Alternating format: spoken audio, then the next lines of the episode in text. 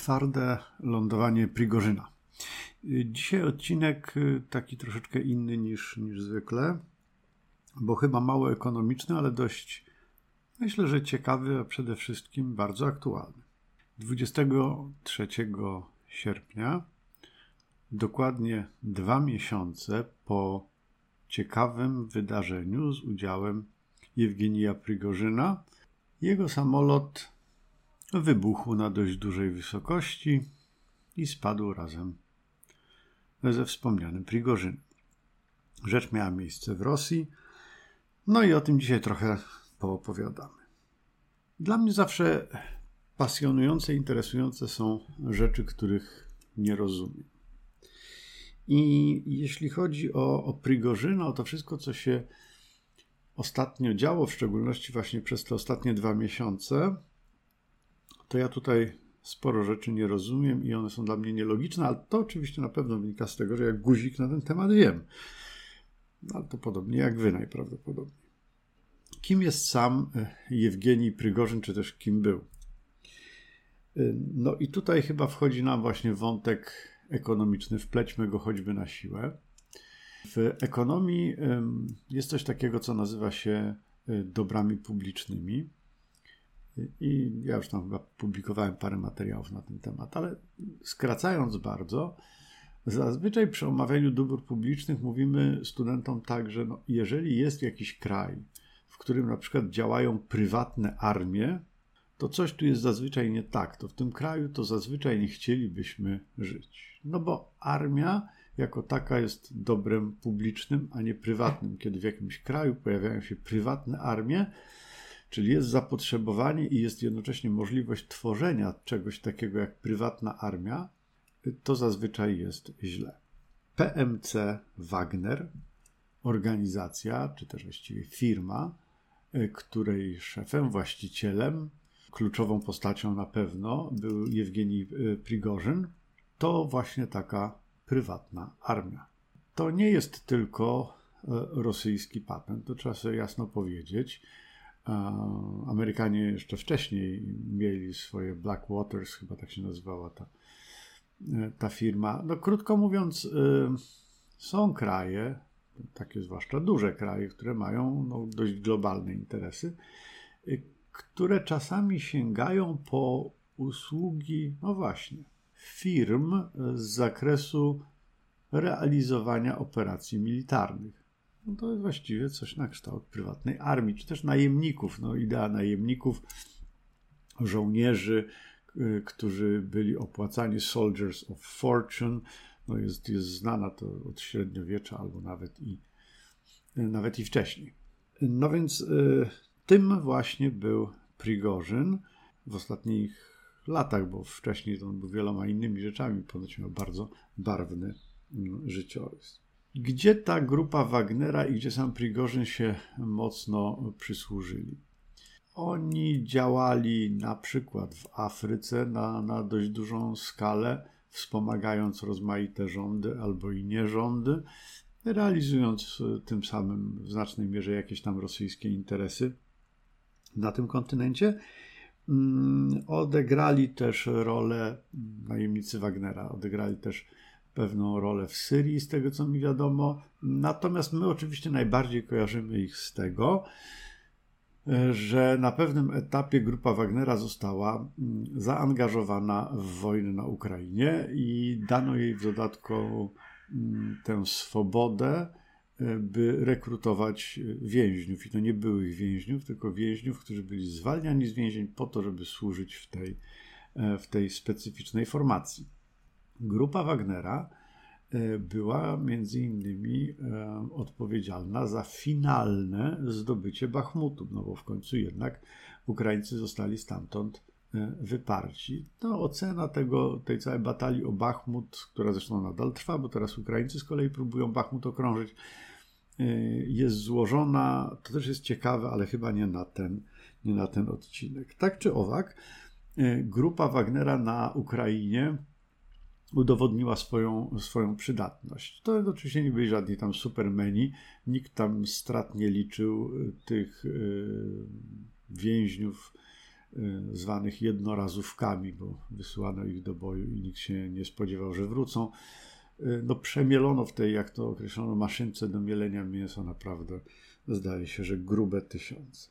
Zdobywanie Bachmutu szło przy akompaniamencie narzekania Prigorzyna na Szojgu, ministra wojny, na Gerasimowa, który jest e, szefem armii, tym takim wojskowym szefem armii, no bo on e, sugerował, że tym dwóm rosnąca rola, popularność, skuteczność grupy Wagnera jest solą w oku, no bo pokazuje, że rosyjska armia tak naprawdę jest słabiutka, a jej najmocniejszy trzon to są właśnie najemnicy Wagnera.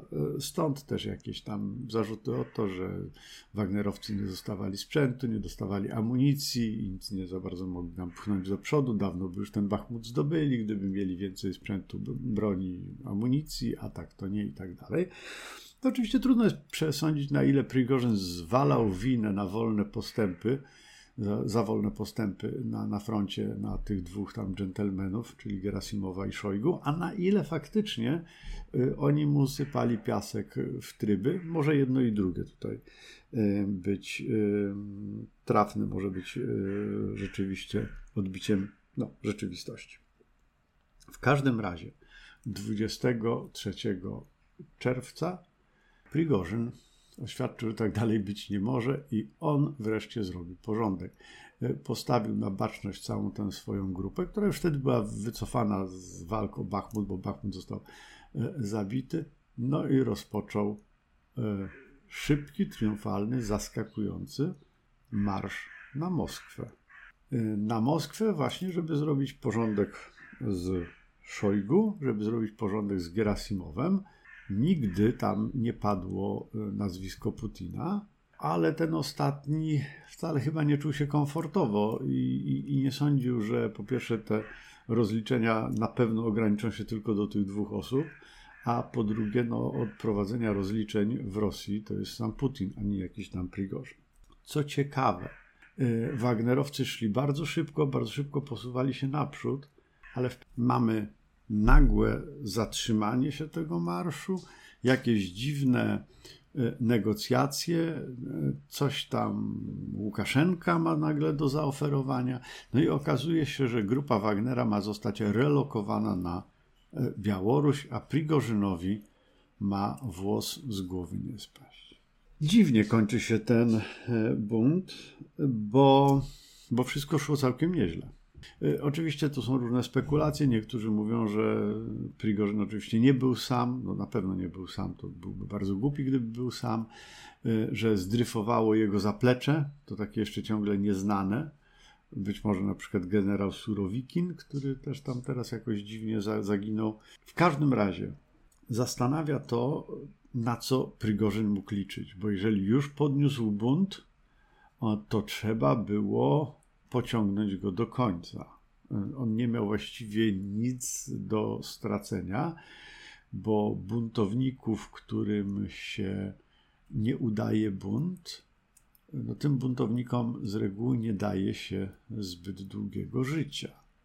No tak też stało się z Prigorzynem, jak już teraz wiemy, ale aż, aż trudno uwierzyć, że on sam się tego nie, nie spodziewał. Więc warto było pociągnąć rzecz do końca, bo być może z jakiejś tam pozycji siły dałoby się e, negocjować, nawet gdyby ten bunt w pełni się nie powiódł. A on się zatrzymał na bardzo szybkim e, etapie, na bardzo wczesnym etapie. Myśliwość Putina jest w miarę znana. Nie wiem, czy wy jeszcze pamiętacie, jak skończył Litwinienko, pułkownik FSB otruty radioaktywnym polonem. To była dość spektakularna śmierć, taka na, na oczach kamer, i to był taki spektakl, którym e, Putin informował cały świat, Rosję przede wszystkim, ale generalnie cały świat, że kto nas zdradzi, trzech dni nie przeżyje.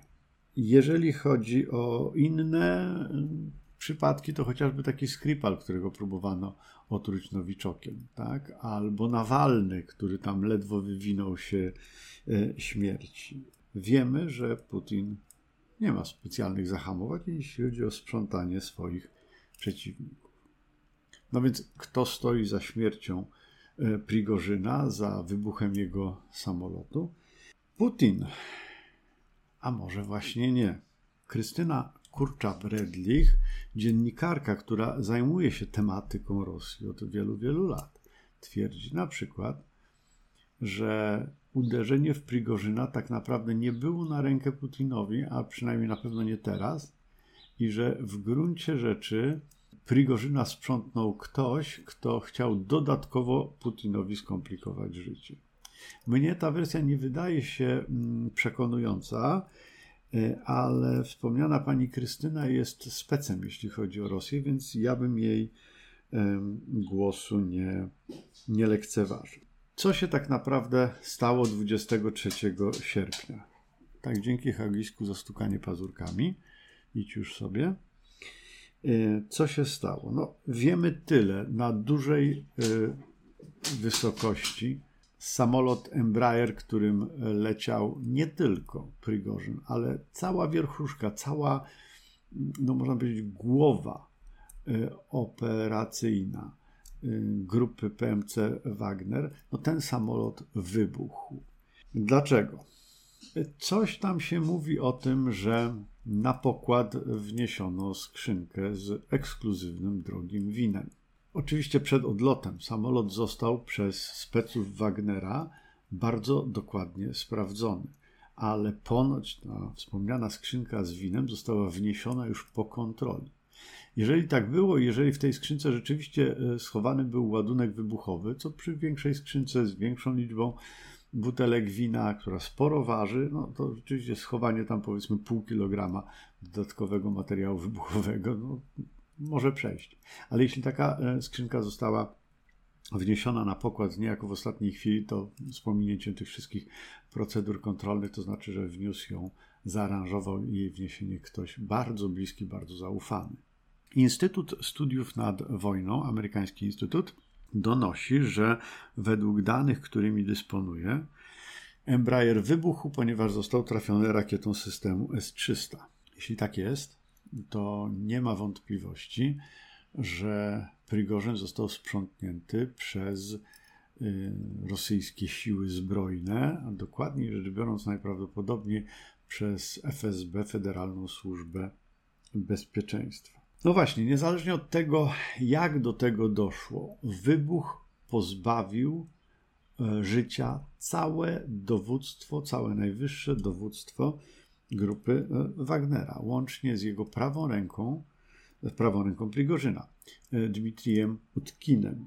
O tej postaci mało się mówi, ale tak naprawdę to nazwa Wagner, nazwa tej firmy, tej prywatnej armii, bierze się właśnie nie od Prigorzyna, który z Wagnerem jako żywo nie ma nic wspólnego, ale właśnie z jego prawą ręką, Dmitrijem Utkinem, e, który będąc e, zafascynowany trzecią Rzeszą, Adolfem Hitlerem, e, ideami nazistowskimi, jest też, był też wielbicielem Wagnera, Wagnera, który był ulubionym kompozytorem Adolfa Hitlera.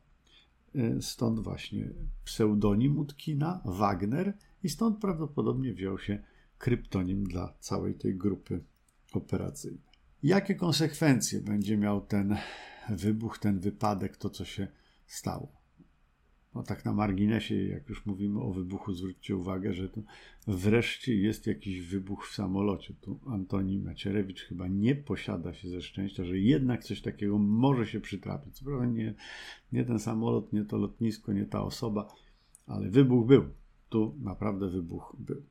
To jest e, wydarzenie, ten, ten, ten wybuch, śmierć Prigorzyna i, i jego kumpli e, jest na pewno czymś, co bardzo mocno mocno umocni e, pozycję Gerasimowa i, i Szojgu, a więc tych, którzy dziś są odpowiedzialni za realizację całokształtu operacji militarnych w ramach wojny Rosji z Ukrainą.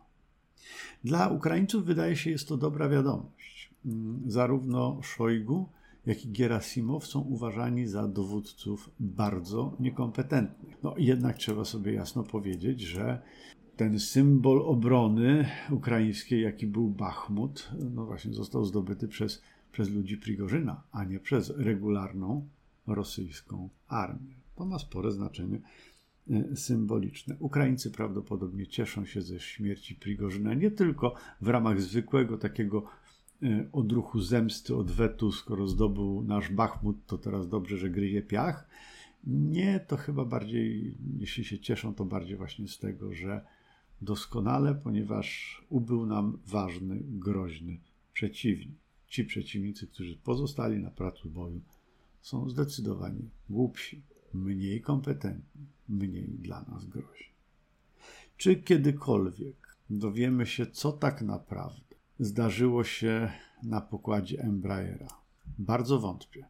Nikt y, ze strony rosyjskiej nie jest tak naprawdę zainteresowany y, dążeniem do prawdy, a w szczególności jej upowszechnieniem, spopularyzowaniem. Więc nawet jeżeli są ludzie, a na pewno są ludzie, którzy doskonale wiedzą, co tam zaszło dwa dni temu, to to są ludzie, którzy prawdopodobnie tę wiedzę zabiorą ze sobą do grobu. Kto wie, niektórzy z nich może bardzo szybko zabiorą tę wiedzę do grobu, szybciej niż się im zdaje. Czy kiedyś się dowiemy, co tak naprawdę skłoniło Prigorzyna do marszu na Moskwę i bardzo szybkiej z tego marszu rezygnacji? Czy kiedyś się dowiemy, jaką rolę tak naprawdę odegrał Łukaszenka i po co część grupy Wagnera wyemigrowała na, na Białoruś. Nie wiem, czy kiedykolwiek się tego dowiemy. To jest ciekawe. I warto będzie pewnie śledzić czegoś tam, pewnie się dowiemy, czegoś tam będziemy się domyślać. Pełnej prawdy chyba raczej nie poznamy, ale no to tak jak w życiu, nigdy nie wiemy wszystkiego, prawda? Do usłyszenia.